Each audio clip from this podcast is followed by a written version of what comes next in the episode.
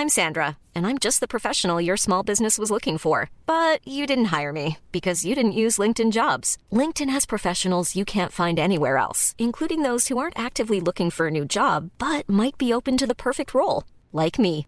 In a given month, over 70% of LinkedIn users don't visit other leading job sites. So if you're not looking on LinkedIn, you'll miss out on great candidates like Sandra. Start hiring professionals like a professional. Post your free job on linkedin.com/people today. Ibland förstår man inte alls varför händer det här. Jag fattar inte, vad ska det här lära mig? Liksom? Men ofta får man svaret om det kanske är några veckor senare, månader eller något år senare och man ser verkligen, ja men det är klart, jag var inte mogen för det där liksom då. Det är klart att, in, att det inte skulle funka då. Välkommen till En timme med där jag, Sanja Tigeltia, träffar människor som inspirerar mig. Vi pratar om deras karriärresa, lärdomar, motgångar och helt enkelt självutveckling från ett businessperspektiv. I dagens avsnitt så träffar jag ingen mindre än couture Lars Wallin. Han står bland annat bakom några av kronprinsessan Victorias Nobelklänningar. Han har skapat scenkläder till Kungliga Operan och till många av våra största artister. Lars har genom åren vunnit många priser för sin fantastiska design och är verkligen en av våra största modeskapare. Och vi går in på om det alltid har varit en självklarhet att jobba med mode. Vi går in på hur hans föräldrar stöttade kreativiteten och var väldigt öppensinnade för det. Vi pratar också om mobbing och utanförskap och hur det har påverkat honom och hans liv. Men också hur han har jobbat med att stärka självkänsla. Mycket mer. Otroligt spännande avsnitt. Varmt välkommen hit Lars. Tack så jättemycket. Vi har börjat småprata nu här innan och jag känner bara paus för att jag tror att vi har mycket, mycket att prata om och det kommer vara ett fint samtal. Vad härligt. Ja men det känns bra här. Mysig stämning du har i studion. Ja men eller hur. Man, man kommer ner i ett lugn och det är precis det som är tanken att du och jag ska catcha upp om livet. Jag är sjukt nyfiken. Jag har gjort en research precis som man gör innan man ska podda. Men det är en helt annan grej när man får ha ett samtal eh, och få höra. Och nu har jag ju haft ett härligt intro på vad du har haft för dig det senaste och allt, allt du har åstadkommit. Men hur, började allting? Vart växte du upp och vad drömde du om som liten? Alltså jag kommer från Västerås och en liten villastad utanför, eller villaby eller vad man ska säga, utanför Västerås som heter Hökåsen. Ja. Eh, mina föräldrar flyttade, eller byggde huset när jag föddes i stort sett. Så jag flyttade in där när jag var ett år. Eh, och mina föräldrar har kvar det huset fortfarande. Så jag har tillgång till mitt barndomshem. Det känns fantastiskt. Men det var, ja men jag hade en väldigt, jag och min lillebror hade en väldigt så fri uppväxt och väldigt så kreativ. Och vi fick ta plats och vi hade utrymme, vi hade stort lekrum i källaren. Och vi liksom var mycket ute och jag lekte cirkus och det var allt möjligt på tomten och sådär. Men eh, jag har väl alltid varit kreativ och tecknat och målat väldigt mycket. Men det var ingen min mamma jobbade på bank och pappa var polis och det var ingen liksom i släkten som jobbade med mode eller så. så när jag var riktigt ung så visste jag inte ens att det fanns ett yrke som hette designer. Mm.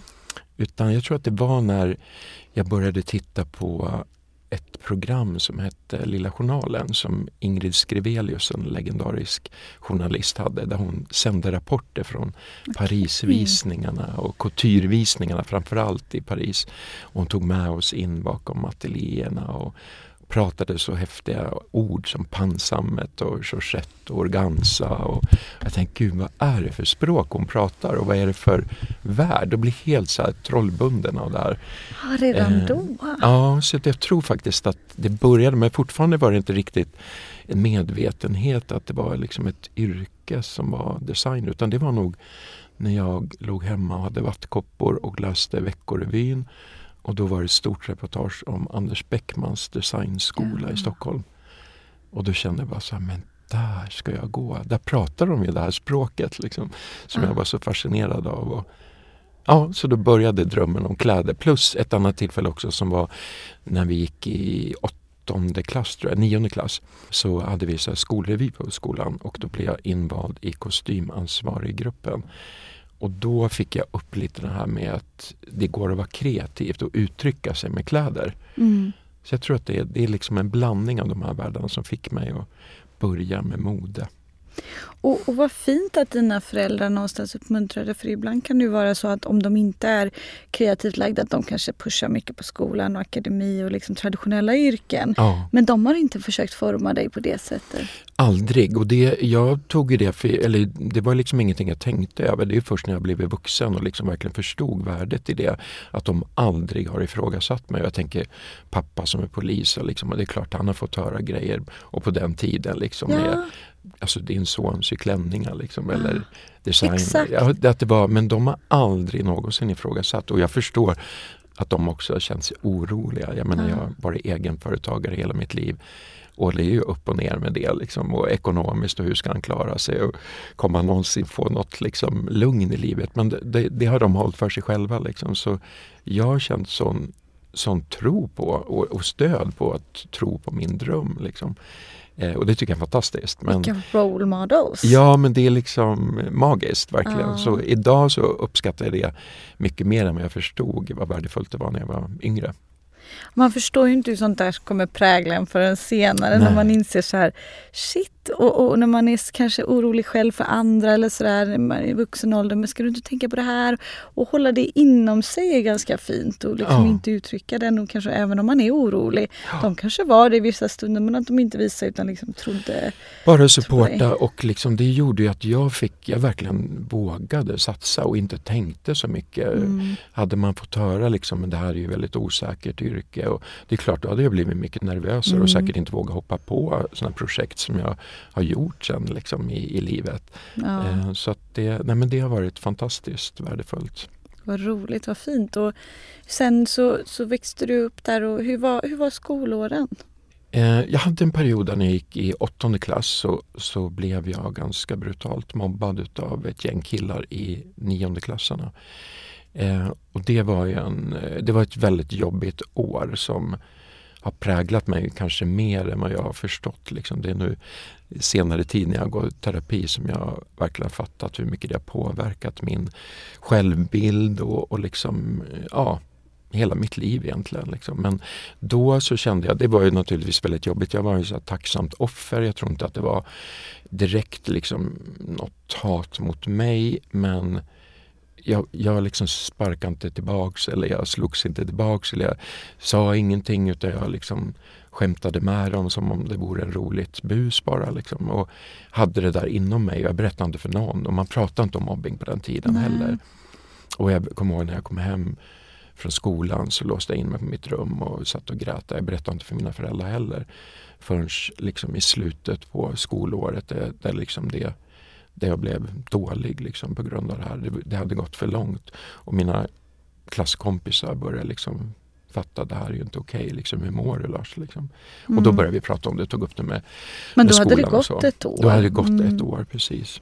Så det var en jobbig period verkligen. Och efteråt så har jag alltid sagt så här i intervjuer och så, men det, jag tror ändå att det stärkte mig. Liksom, att jag blev ändå mer medveten och målinriktad på att satsa på min dröm. Men jag inser nu liksom att jag har alltid haft med mig en fråga att det är något fel på mig. Jag har aldrig förstått vad det var som var fel. Men jag har alltid haft med mig det. Det, det, är liksom, det är något fel på mig. Liksom. Så folk kommer avslöja det. Liksom. Ja, exakt. Och den, den känslan har ju påverkat min liksom, Mm. självbild och också mitt eh, självförtroende när det gäller mig som person. Liksom. Kan, man, kan Så du tänka dig att du går in i din kreativa värld då Ja. och är en annan Lars Ja. och sen att, att liksom självbilden är en annan när du inte är den Lars? Ja, och i det kreativa där har jag ju fått så fantastisk bekräftelse och idag känner jag mig liksom trygg i mitt uttryck och, och liksom säker i, med erfarenhet och så. Liksom. så. Jag känner mig verkligen trygg när jag jobbar. Liksom. Men, men det är just de här privata bitarna och också att jag hela tiden har en känsla av att, att det kommer ta slut imorgon. Det är liksom någon kommer avslöja mig och, och liksom Mm, att mm. upptäcka mina fel. Och sen är det över. Liksom. Mm. Så den känslan har funnits med mig på något konstigt sätt som har gjort att jag varit väldigt Mm. hård mot mig själv i, och dömer ut mig själv liksom, i olika situationer. Och jag pratade med min terapeut om det här just att, att jag tyckte att men det är väl inget konstigt att man jag hela tiden dömer mig själv och har gjort en intervju eller i tv eller något sånt där. Bara, Nej, det kunde ha gjort bättre, jag kunde ha gjort mycket bättre där. Varför svarar jag så här? Oh, mm. Varför hade jag inte påläst om det där? Och, och ja, hela tiden sa men det här är ju, ja, det är helt osunt att, att hålla på så. Men jag har inte riktigt, man blir aldrig liksom, nöjd. Nej. Du kommer ju kanske se tillbaka och bara, men gud det där gjorde jag jättebra. Men där och då tänker man ju inte att det är bra. Nej. Eh, och då kan ju livet gå förbi så är man aldrig nöjd. Hur mycket mer man än Ja, och på ett sätt så skapar det ett driv för att ja. man tänker hela tiden, man är hela tiden orolig att man ska misslyckas. Så att man, man är liksom med på ett annat sätt och man pressar sig själv på ett annat sätt. Men, men det är också osunt som du säger, man måste stanna upp och jag har ju fått så tillfällen där jag verkligen har gjort det, bland annat min utställning och när, även när jag skrev boken, när man går igenom lite vad man har fått vara med om och vad man faktiskt har skapat och mm. hur mycket man har påverkat folk eh, med glädje och, och liksom... Ja, det, ja, det, det, känns fantastiskt så att det är viktigt att ta den där tiden också att, att reflektera över vad man har fått vara med om. Och, och jag tror att så många känner igen sig i det där att man inte duger som man är eller utan prestation.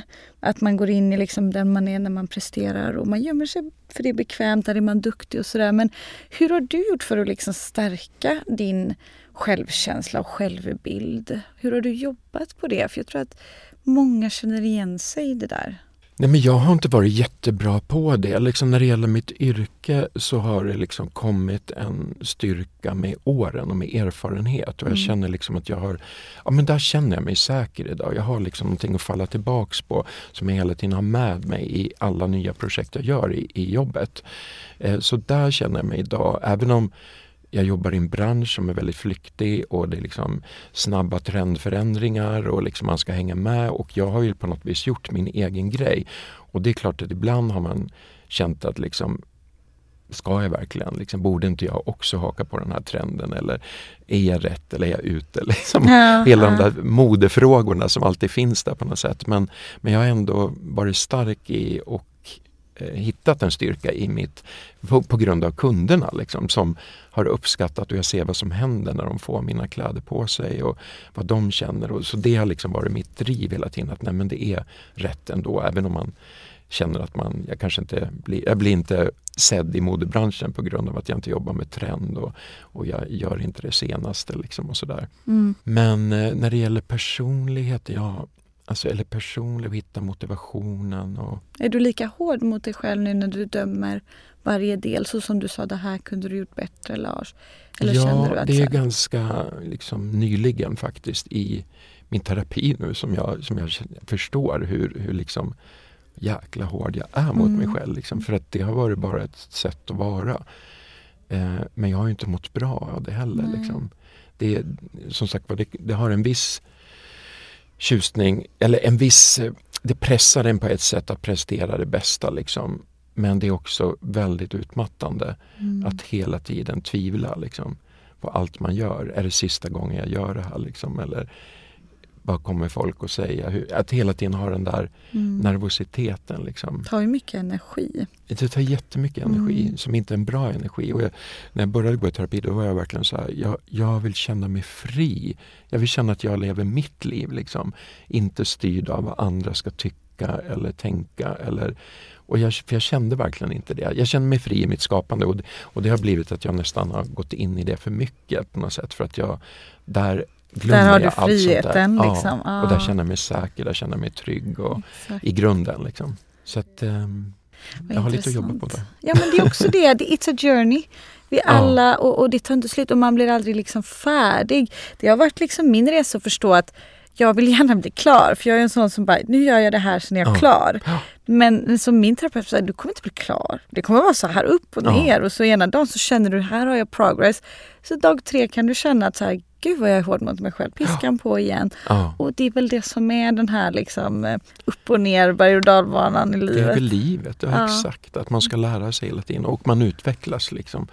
Så att det finns ju en tjusning men det måste vara en balans i det. Liksom. Man får inte vara för hård. Och det, vi pratade om det lite innan vi satte igång här nu också med Idag så är det ju ändå mer filtrerat och vi lever det här perfekta Insta-livet liksom och på alla plan, både privat och i jobbet. Liksom. Eh, och jag är väldigt glad att jag inte är uppvuxen med det, att jag hade liksom en frihet att få prova mig fram utan att dömas liksom, i, i mitt yrke också. Jag, det fick ta tid. Liksom. Jag fick lära mig mina misstag. Och det känner jag att många unga idag inte har. den. De får inte den tiden.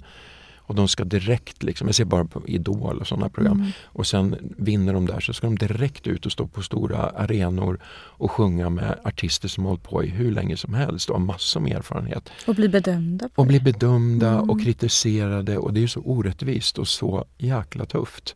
Verkligen. Så att jag förstår att det är många som liksom mår dåligt idag också för att man man får inte misslyckas. Man får inte prata om sina misslyckanden. Nej. Och där kan jag känna, liksom, när jag skrev min bok så var det just mycket att jag ville berätta om min erfarenhet av eh, att misslyckas. Det, det är liksom det som utvecklar en mest tycker jag. Mm. För på något vis när någonting går fel så sätter man sig ner och tänker liksom vad, vad var det som gick fel? Var, vad, vad ska jag göra för att inte hamna där igen? Och liksom man analyserar på, och det blir en utveckling tycker jag. Verkligen. Framgång kan vara liksom snarare hämmande, liksom att man låser sig, man är rädd att prova nya vägar för att man har fått eh, viss uppmärksamhet för en viss eh, riktning man har haft. Liksom. Mm. Och det tycker jag, plus att man känner förväntningar på sig själv också. Gud, ja. Så att jag, jag tycker att här, man ska inte vara rädd för att misslyckas. Och, och vad är ett misslyckande egentligen också? Exakt, det är ju ja. en sån definitionsfråga. Ja. Och, och, när kände du att du hade ett stort misslyckande i livet? Eh, mitt första riktigt sådär när jag bara bröt ihop och grät, det var faktiskt när, när jag hade hållit på ett tag, jag hade flyttat, det var runt 2002.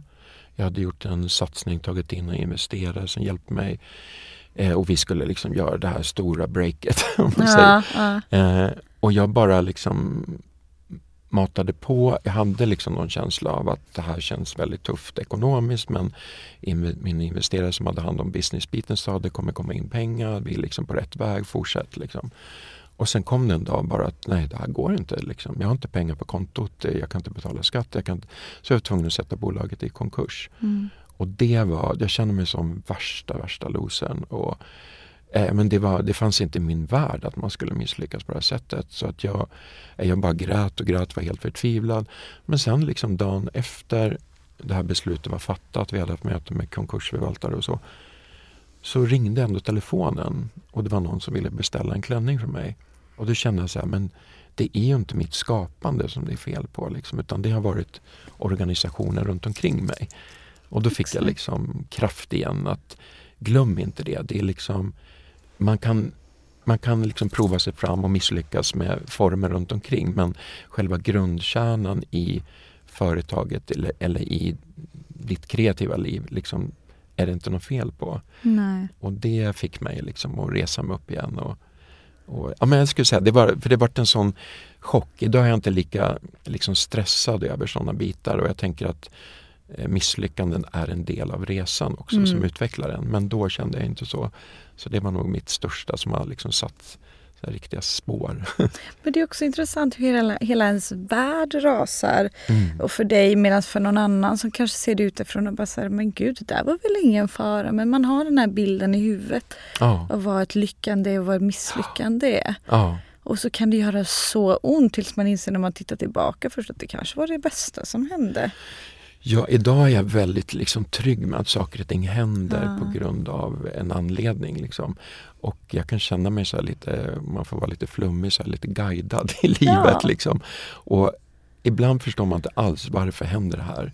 Jag fattar inte, vad ska det här lära mig? Liksom. Men ofta får man svaret om det kanske är några veckor senare, månader eller något år senare och man ser verkligen, ja men det är klart, jag var inte mogen för det där liksom då. Det är klart att, jag in, att det inte skulle funka då. Eh, och det tycker jag är ganska häftigt, liksom, att, att vara med i flowet i livet på något sätt. Liksom, ja. och, och, känna sig trygg med det, att det finns en mening. Och man kan känna, jag tror vi alla känner det, liksom, vissa dagar så går allting bara åt helvete. Gud, ja, gud, och man liksom, ja det börjar med liksom, Man vill bara dra, dra ja. täcket över huvudet och ja. bara, nej. alltså. ja, man bara säger, glöm den här dagen, liksom. ja. bara gå hem och lägg dig och så börjar vi om imorgon. Ja, liksom. typ. Och ofta så kommer liksom en negativ grej, då kommer också någonting mer negativt. Alltså då ja. samlar de ihop sig. Det är lite så karma på något sätt. Verkligen. Och även när det går bra så händer det helt plötsligt bara faller massa bitar på plats och det kommer in massa spännande uppdrag och man får ett flyt som... Så att det är liksom upp och ner hela tiden, mm. energierna i livet på något sätt. Verkligen. Man, man önskar man kunde förmedla det till de som genomgår det där misslyckandet och hela världen rasar just nu. För mm. att det alla har gemensamt, nästan mina gäster som pratar om misslyckande, är att så här, det blev till det bättre. Ja. Och man kan se utifrån sitt eget perspektiv och liv att det blev ju till det bättre. Men när man är i det så är det så mörkt. Ja. Man är så förtvivlad och så hör man de här grejerna.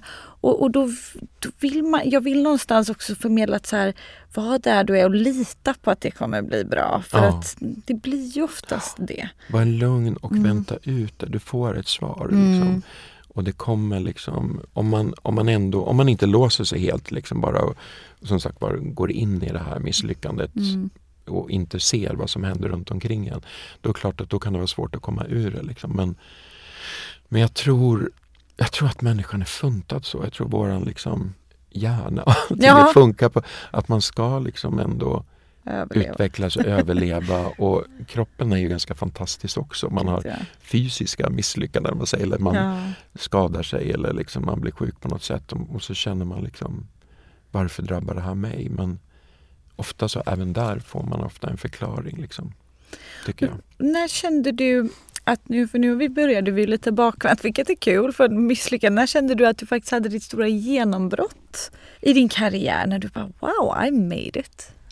Ja, men jag tror, det är flera tillfällen men jag tror eh, när jag, började, jag startade ju eget direkt, jag gick ut Beckmans designskola för det fanns liksom, jag kände att det här var mitt sätt att uttrycka mig, jag måste få göra min grej och tänkte inte så mycket vad det liksom innebär egentligen att starta eget. Eh, och i början så var man ju liksom, jag måste få ihop till hyror och, och liksom ta ut någon lön eller, eller ja.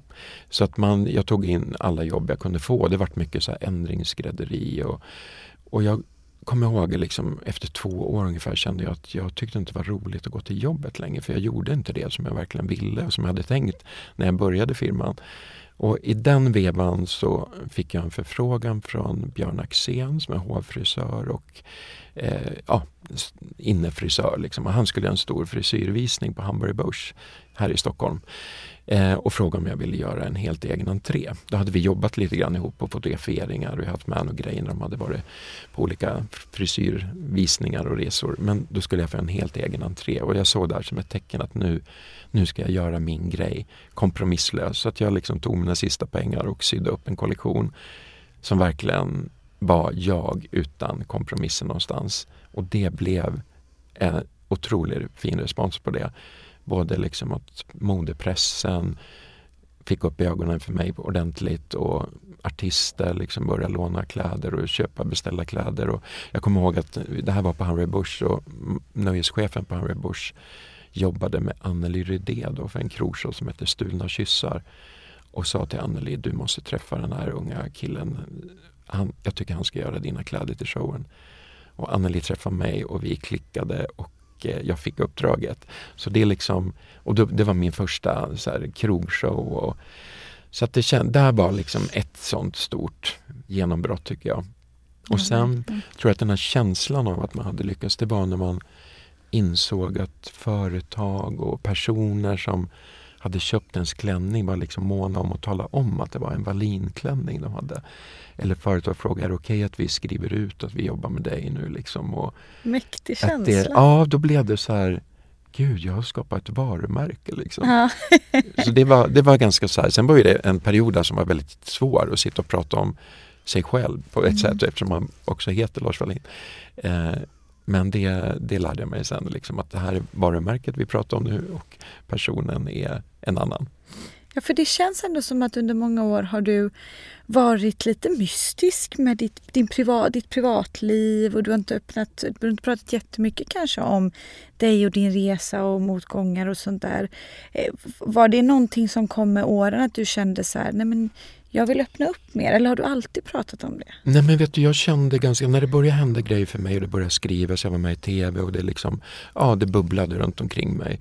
Så gick jag på myten om mig själv. Mm. Jag märkte att jag, jag som person blev större än mitt skapande. Och jag blev mer fokuserad på, gud vad roligt att jag är med i den tidningen och i det tv-programmet och, och få jobba med den artisten. Och, och det där gjorde också liksom att jag tappade bort mig i den kreativa processen. Jag, jag visste inte riktigt, lite det här med att, att man eh, upprepar en framgång. Liksom. Att jag vågar inte utveckla mig eh, för att jag var rädd. Men det gick ju så bra när jag gjorde det där sist. Och att jag måste, så att det var liksom en sån här, nej men det här känns inte bra. Hur ska jag liksom göra för att inte jag, jag, måste tillbaka till att jobbet är viktigare, det jag presterar, inte jag som person. Mm. Och då bestämde jag för att kunna hantera det så, så jag ska inte ställa upp på några lekprogram eller hemma hos-reportage eller och hela tiden gå tillbaks till den där känslan jag hade första gången jag gjorde någonting. När jag inte hade några förväntningar på mig. Jag, hade liksom, jag var bara fri i skapandet och jag gjorde det med kärlek och hjärta.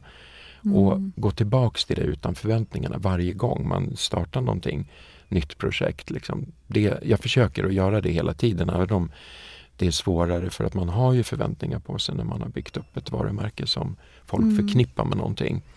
Så Men jag klokt försöker ändå, och det- foka på rätt sak. Ja, och sen när senare i livet, jag har fått jobba med så mycket olika personligheter och jag ser verkligen den här kampen med att gå på myten om sig själv. Att det är så lätt att man, att man eh, framförallt om man har haft eh, framgång med det, att man, att man låser sig Mm. i den sitsen, att man inte vågar prova nya vägar. Och, eh, och det, det blir hämmande i arbetet.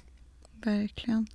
Och kanske det här att man, som du sa hemma hos reportage, att man tappar bort lite sin core. Att man får en sån high på den här famen. Som man Ja. kan se mycket i storstäder med mycket media, att man får vara med i reportage. Man, och då såklart media plockar upp det någon annan har skrivit och bara wow den här personen är som fire nu, vi vill också ha honom. Ja.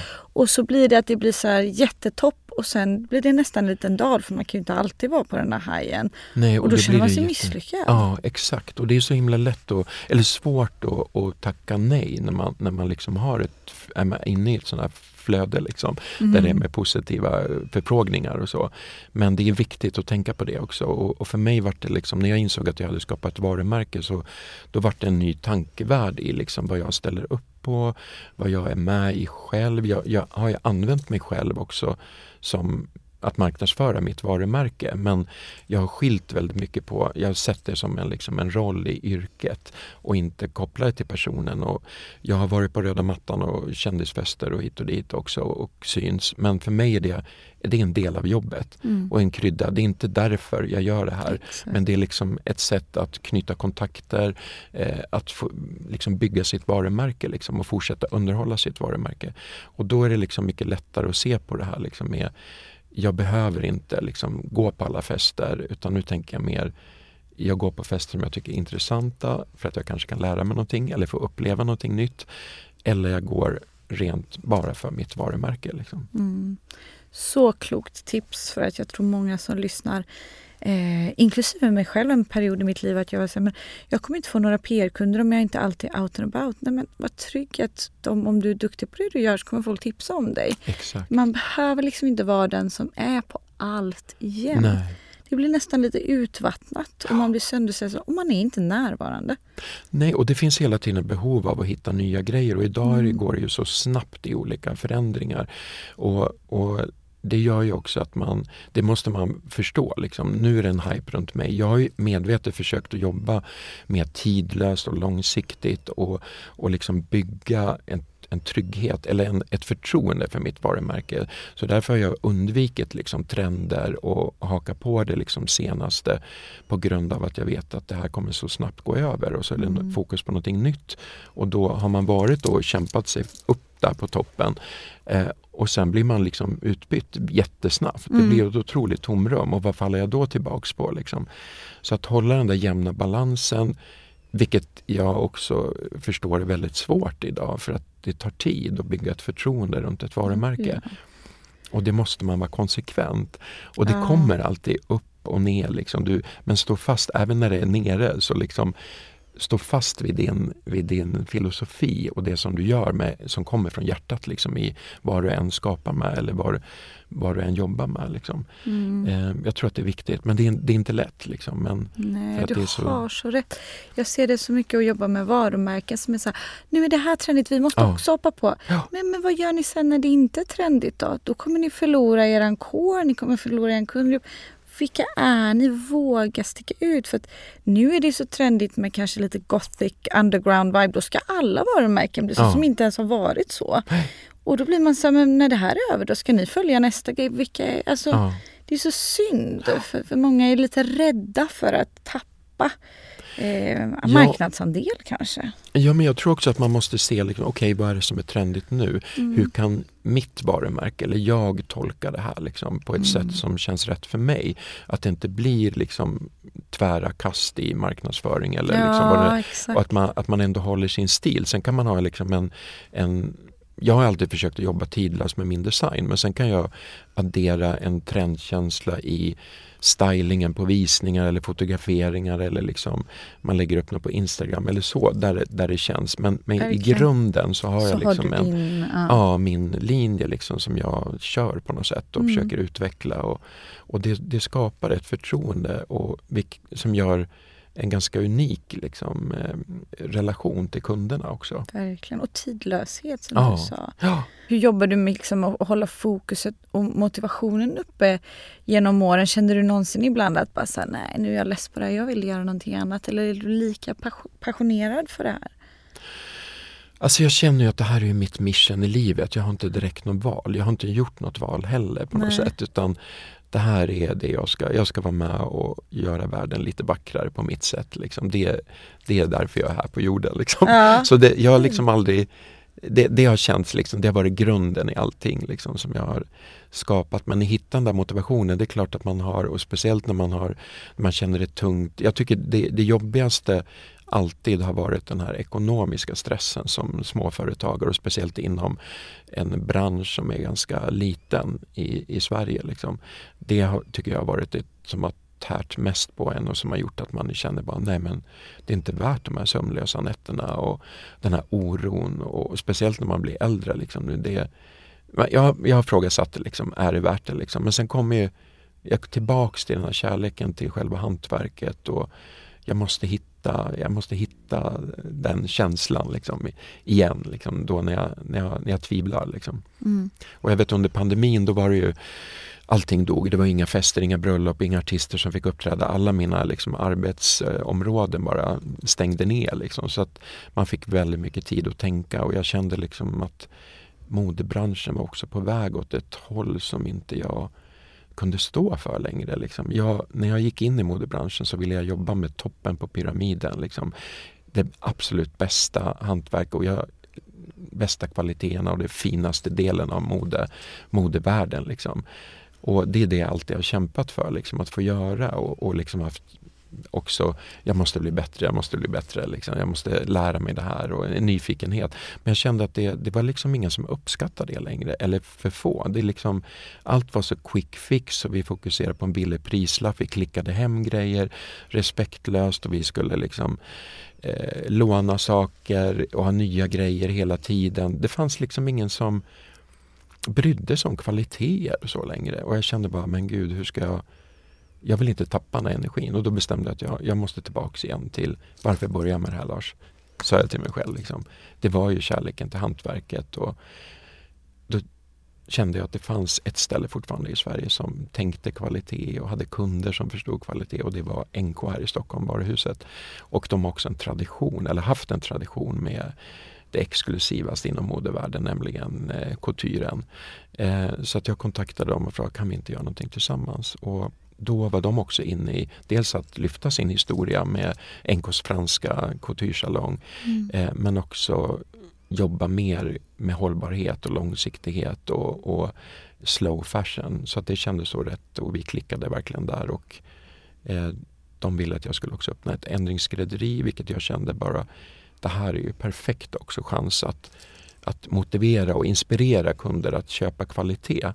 Eh, för att eh, kvalitet håller och när du har tröttnat på det om några år då kan du komma till mig så gör vi om dem. Då ser ja. vi om plaggen och uppdaterar dem och förändrar dem efter din kropp och din, din stil eller det, där du är nu. Liksom. Mm. Eh, och då får du också så långsiktigt eh, modetänk, liksom, slow fashion-tänk och det känns så spännande och så rätt i tiden nu. Verkligen. Hur, hur har mottagandet varit av det? Känner du att Sverige är i framkant här eller är vi lite sena på bollen? Alltså Nej men vi har ju alltid varit liksom och i modebranschen har det också varit ett under en lång tid prat Vi inser ju någonstans i bakhuvudet, när, även när vi köper de här billiga grejerna, att vi förstår ju att det är någon annan som har fått betala och ofta att det här är liksom i miljön och arbetarna som tillverkar pro, de här produkterna som vi köper billigt.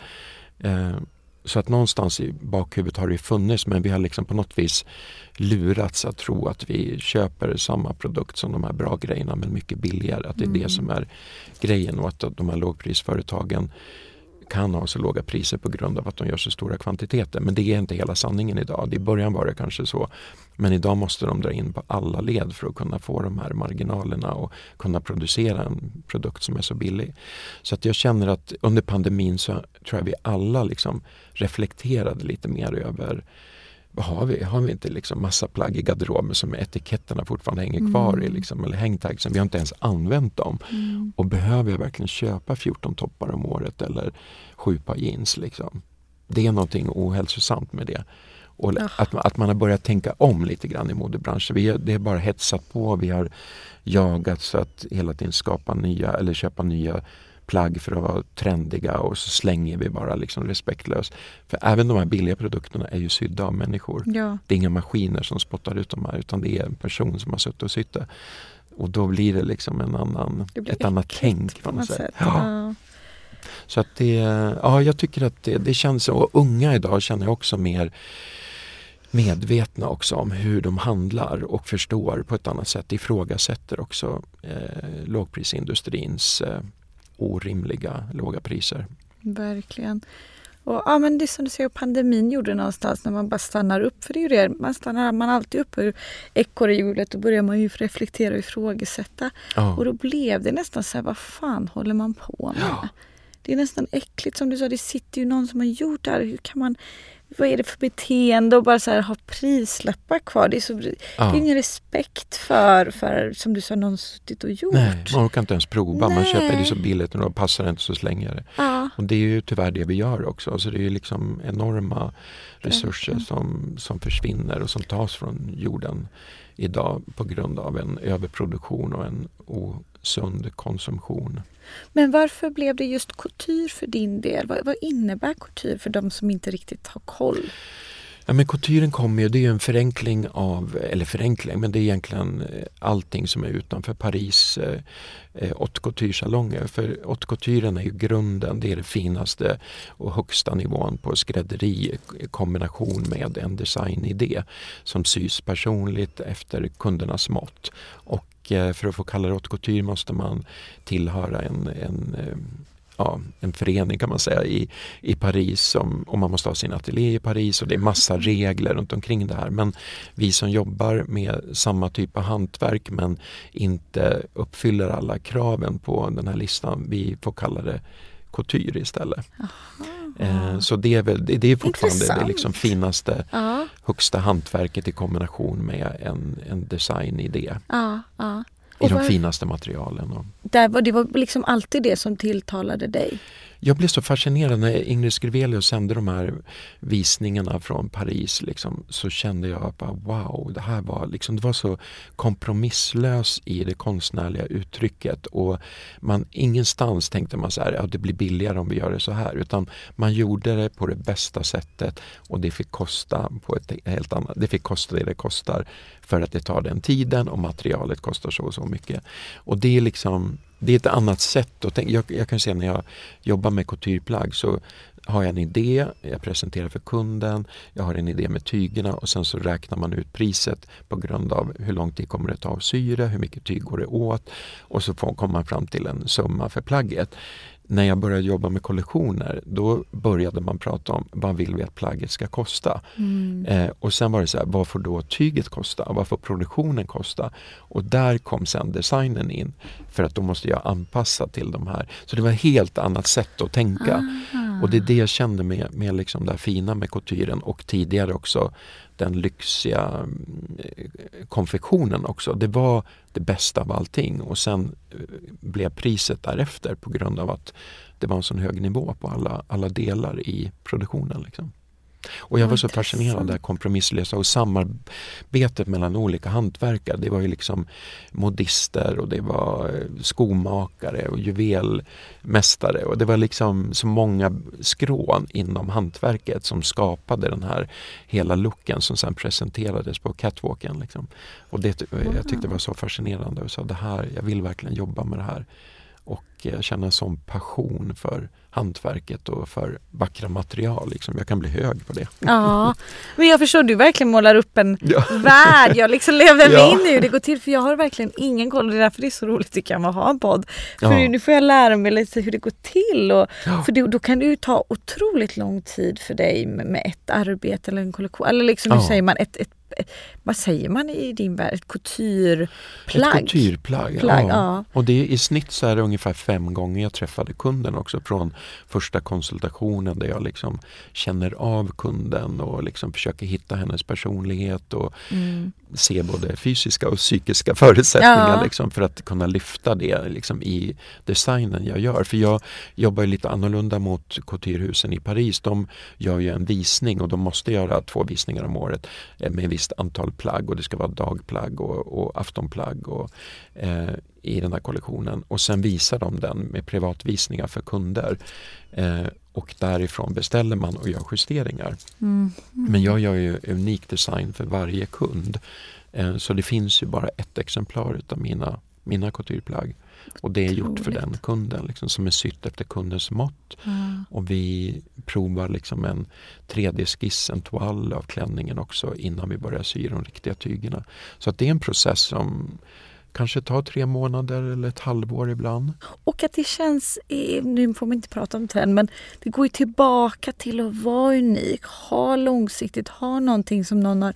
Hantverk har ju aldrig heller varit tillbaka som nu eftersom att allting är så digitalt och maskinerat. Ja. Det känns också som att folk är så, alltså i alla fall kommande generation som komma skall känns som att de är så här bort med det digitala, bort med massproduktion för att de, de har så mycket av det. Ja. Och, och, förhoppningsvis så är det verkligen en, en uppsving igen att hantverk liksom värderas så högt. Jag tror också att vi ser liksom på mycket psykisk ohälsa idag också att vi mår inte bra. Liksom, för att dels är vi stressade av alla möjliga skäl, liksom leva det perfekta livet och allting, men också lite grann vad förutsättningarna har nu blivit på grund av den här lågprisindustrin som presenterar så billiga produkter både inom maten, där vi äter liksom ja, men mycket av den här fast food-industrin är också, det är ju inte ens mat längre. Nej. Det är ju kemikalier Bara. och mikroplaster och, och det här får vi i oss som lagras i kroppen och ger oss ingen näring. Mm. Och sen med kläder också, liksom polyester. Jag hörde en, en jättespännande intervju på Instagram nu blev jag så fascinerad just det här med att allting sänder ut energier, alla material sänder ut energier och hur olika material, textila material eh, påverkar kroppen också och, mm. och, och liksom lirar med kroppens vibration. Ja. Och polyester är någonting som verkligen går totalt emot liksom kroppens vibrationer. Det blir en jättekrock där så det är inte undra på att vi mår dåligt när vi liksom äter plast och bär plast och liksom bara har plast omkring oss i, ja, i miljön. Ja. Liksom. Så att det, det är intressant liksom, hur mycket det här påverkar liksom, även, även kläderna vi bär på hur, hur mm. vi mår.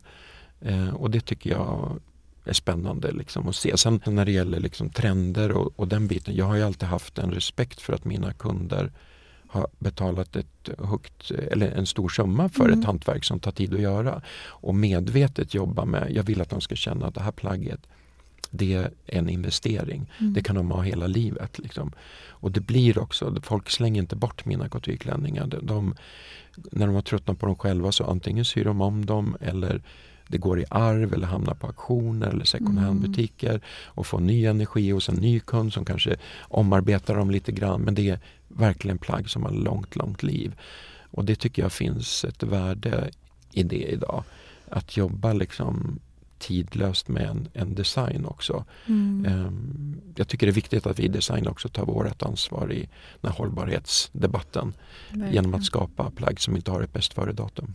Det ja, går ju så fort ja. idag. Och det vore så skönt för oss som inte är supertrendmedvetna men som vill känna oss snygga och stilsäkra. Alltså jag kan tycka det är en stress för att jag, jag, inte, jag, jag gillar kläder i form av att jag gillar att känna mig fin. Ja. Självsäker, det sätter en helt, helt annan känsla. Men jag, jag blir stressad av, är jag trendig, är jag inte trendig? Ja. Alltså så här, det är sån stress för Ja. att det går så fort. Och- Det går så sjukt Ja. fort. Och idag, om vi tittar tillbaks i tiden då pratar vi liksom 50-talsmodet, 60-talsmode, 70-talsmode. Men idag är det liksom tre månaders perioder. Liksom. Ja. Det är inte årtionden utan det är liksom tre månader. Sen är det liksom en ny trend och Mm. plaggen ska reas ut. Och, och det, det har ju blivit sån galet tempo i modebranschen och Visst. framförallt i, i fast Och fashion-industrin. social liksom. media. Jag pratade med en tjej som var yngre och hon var så här, men det var ju sån jäkla trend. Alla influencers hade den väskan. Så hade hon sparat kanske 10-11 månader och så köpte hon den. Hon bara, nu har ingen den längre. Nu är det, jag bara, men det där är ju en klassisk Bottega, du kommer aldrig tröttna. Alltså så här, Ja. Det är ju en jättefin väska, du ska liksom inte förlöjliga den. Nej. Nej men den har ju inte alla nu för det var den där bubble bag som Ja. den boomar ju på, på social media. Ja. Och det är ju det som är effekten då att alla har den då. Och sen är det liksom en annan som man har. Och, och, du vet, och de här unga tjejerna, ofta tjejer med killar också, men tittar och bara nu, nu är det någon ny grej och så Ja. kostar det 50 000 plus. Ja. Liksom. Ja, men jag tror, och, och framförallt, det kanske är, när man är ung liksom, så håller man på att experimentera. Man, Ja. man vet inte riktigt vad är min stil. Och då förstår jag att, liksom, att man inte vill lägga för mycket pengar för att man, man håller på att testa sig fram. Men Mm. liksom, vi som har kommit en bit i, i livet, liksom, vi vet ju ändå vad Ja. vi passar i och sådär. Så att man, då kan man tänka på ett annat sätt när man konsumerar tycker jag. Och vara köpa trygg. kvalitet. Och, jag brukar säga det, liksom, det är jätteroligt med trender också. Liksom, Ja. Och mode och förändringar. Liksom. Men köp ett plagg eller en sak i den här modefärgen då, och ha den jättemycket den säsongen. Mm. Istället för att köpa liksom allt och sen använder du några gånger och sen är det ute om ett halvår. Exakt. Så att man liksom tänker på ett annat sätt. Och jag själv, på grund av att jag har så mycket känslor för material och så här, köper liksom sällan plagg men, eller saker men köper kvalitet. Liksom. Och jag betalar mer vid själva köptillfället men jag har mina plagg så länge. Och när jag köper ett nytt plagg och kanske några nya skor eller någonting eller någon ny väska eller något. Då blir också de gamla plaggen som jag kombinerar med den här eh, nya också. Så då liksom får de längre liv på något sätt och får ny energi för mig också. Så att jag har liksom en, en, verkligen en slow fashion garderob. Mm. Den är ganska stor för att också det är kvalitet så gör man sig inte av med det, man sliter Nej. inte ut grejerna. Och man kan liksom vårda det på ett annat sätt. Och, Och kul du sa med att sy om. ja, Det är ju en fin idé för då Ja. kan man också göra om det blir något nytt. ja, Där det något- sitter lite annorlunda. Det. Och det är ganska liksom lätt. Må- många saker tror jag när man köper färdigt också. Det är, det är väldigt få som bara kan ta ett plagg från galge och det sitter perfekt överallt. Men gör man de där små justeringarna, kortar ärmen som är lite för lång eller släpper ut lite i midjan där det är lite för tajt eller syr in där det behövs. Liksom, då blir det ett helt annat plagg och när känslan av att det är anpassat till, till mig, det blir ju liksom en skräddad känsla på något sätt som, som också skapar en annan känsla för bäraren till plagget. Jag blir jätteinspirerad nu faktiskt. Och, och framförallt ja, precis göra om. Man får ju en helt ny garderob med det man har. Ja. Och det finns så mycket där. Och det, jag tycker det är väldigt roligt och när, när folk kommer till mig med gamla plagg och så, så försöker jag också tänka att vi, man ska behålla själen i plagget och inte liksom förändra det för mycket. Man ska känna igen plagget i grunden. Inte bara ta tyget och sy något helt nytt utav, utav men man kanske förändrar med små medel som inte behöver ta så lång tid i sömnadsprocessen så det inte blir en jättehög peng på liksom, eh, omarbetningen. Liksom. Men ändå skapa någonting unikt om man får en couture-touch på sitt, sitt konfektionsplagg liksom, och får någonting unikt om man vet att det är ingen som har den här versionen av den här Ah. jackan liksom, eller den här blusen eller klänningen. Liksom. Så, så inspirerande. Och jag tänker om du eh, fick eh, tala till ditt 20-åriga jag idag. Vad hade du gett för råd då? Eh, jag tror framför allt där jag är just nu så skulle jag att bry dig inte om vad andra tycker. Kör din grej. Du är unik här på jorden och du har fått en gåva. Eh, följ hjärtat. Ja, det hade jag nog sagt. Mm. Fin. Och om du fick eh, lyssna på någon i podden, vem, vem inspirerade dig? Vem hade du velat höra på? Åh, det finns många spännande människor. Jag tycker Ben Goran ja. heter han, som gör Byredo och Den resan. Eller Acne Jonny hade jag gärna hört också för jag tycker de har också så kompromisslöst, eh, genialiskt gjort sina resor tycker jag. Där de har inte liksom gjort något avkall på sina uttryck och sin tro på, på företaget oavsett trender eller jag tycker de har liksom verkligen lyckats. Jag är väldigt inspirerad av deras resor och, och blir väldigt, eh, jag får energi av att liksom se hur de utvecklar sina företag. Och... Håller med, nu är det många som kopierar dem. Ja, de exakt. Ja. Tack snälla Lars. Det var så fint samtal. Jag kan inte fatta att det redan har gått en timme. Nej, wow! Tack snälla! Alltid så kul. Tack snälla för att jag fick komma. Jag spelar in den här podden på coworking spacet Helio som finns överallt i Stockholm och har även det som mitt kontor. Eh, helio finns på flera ställen runt om i Stockholm som sagt och även i Malmö. Så letar du efter en kontorsplats och kika på helio.se. Men så sitter de även inne på otroliga podcaststudios som man kan boka.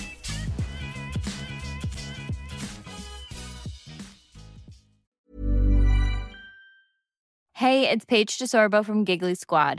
High quality fashion without the price tag. Say hello to Quince. I'm snagging high-end essentials like cozy cashmere sweaters, sleek leather jackets, fine jewelry, and so much more. With Quince being 50 to 80% less than similar brands. And they partner with factories that prioritize safe, ethical, and responsible manufacturing. I love that. Luxury quality within reach. Go to quince.com slash style to get free shipping and 365-day returns on your next order. quince.com slash style. When you make decisions for your company, you look for the no-brainers. If you have a lot of mailing to do, stamps.com is the ultimate no-brainer. Use the stamps.com mobile app to mail everything you need to keep your business running with up to 89% off USPS and UPS. Make the same no-brainer decision as over 1 million other businesses with stamps.com. Use code program for a special offer. That's stamps.com, code program.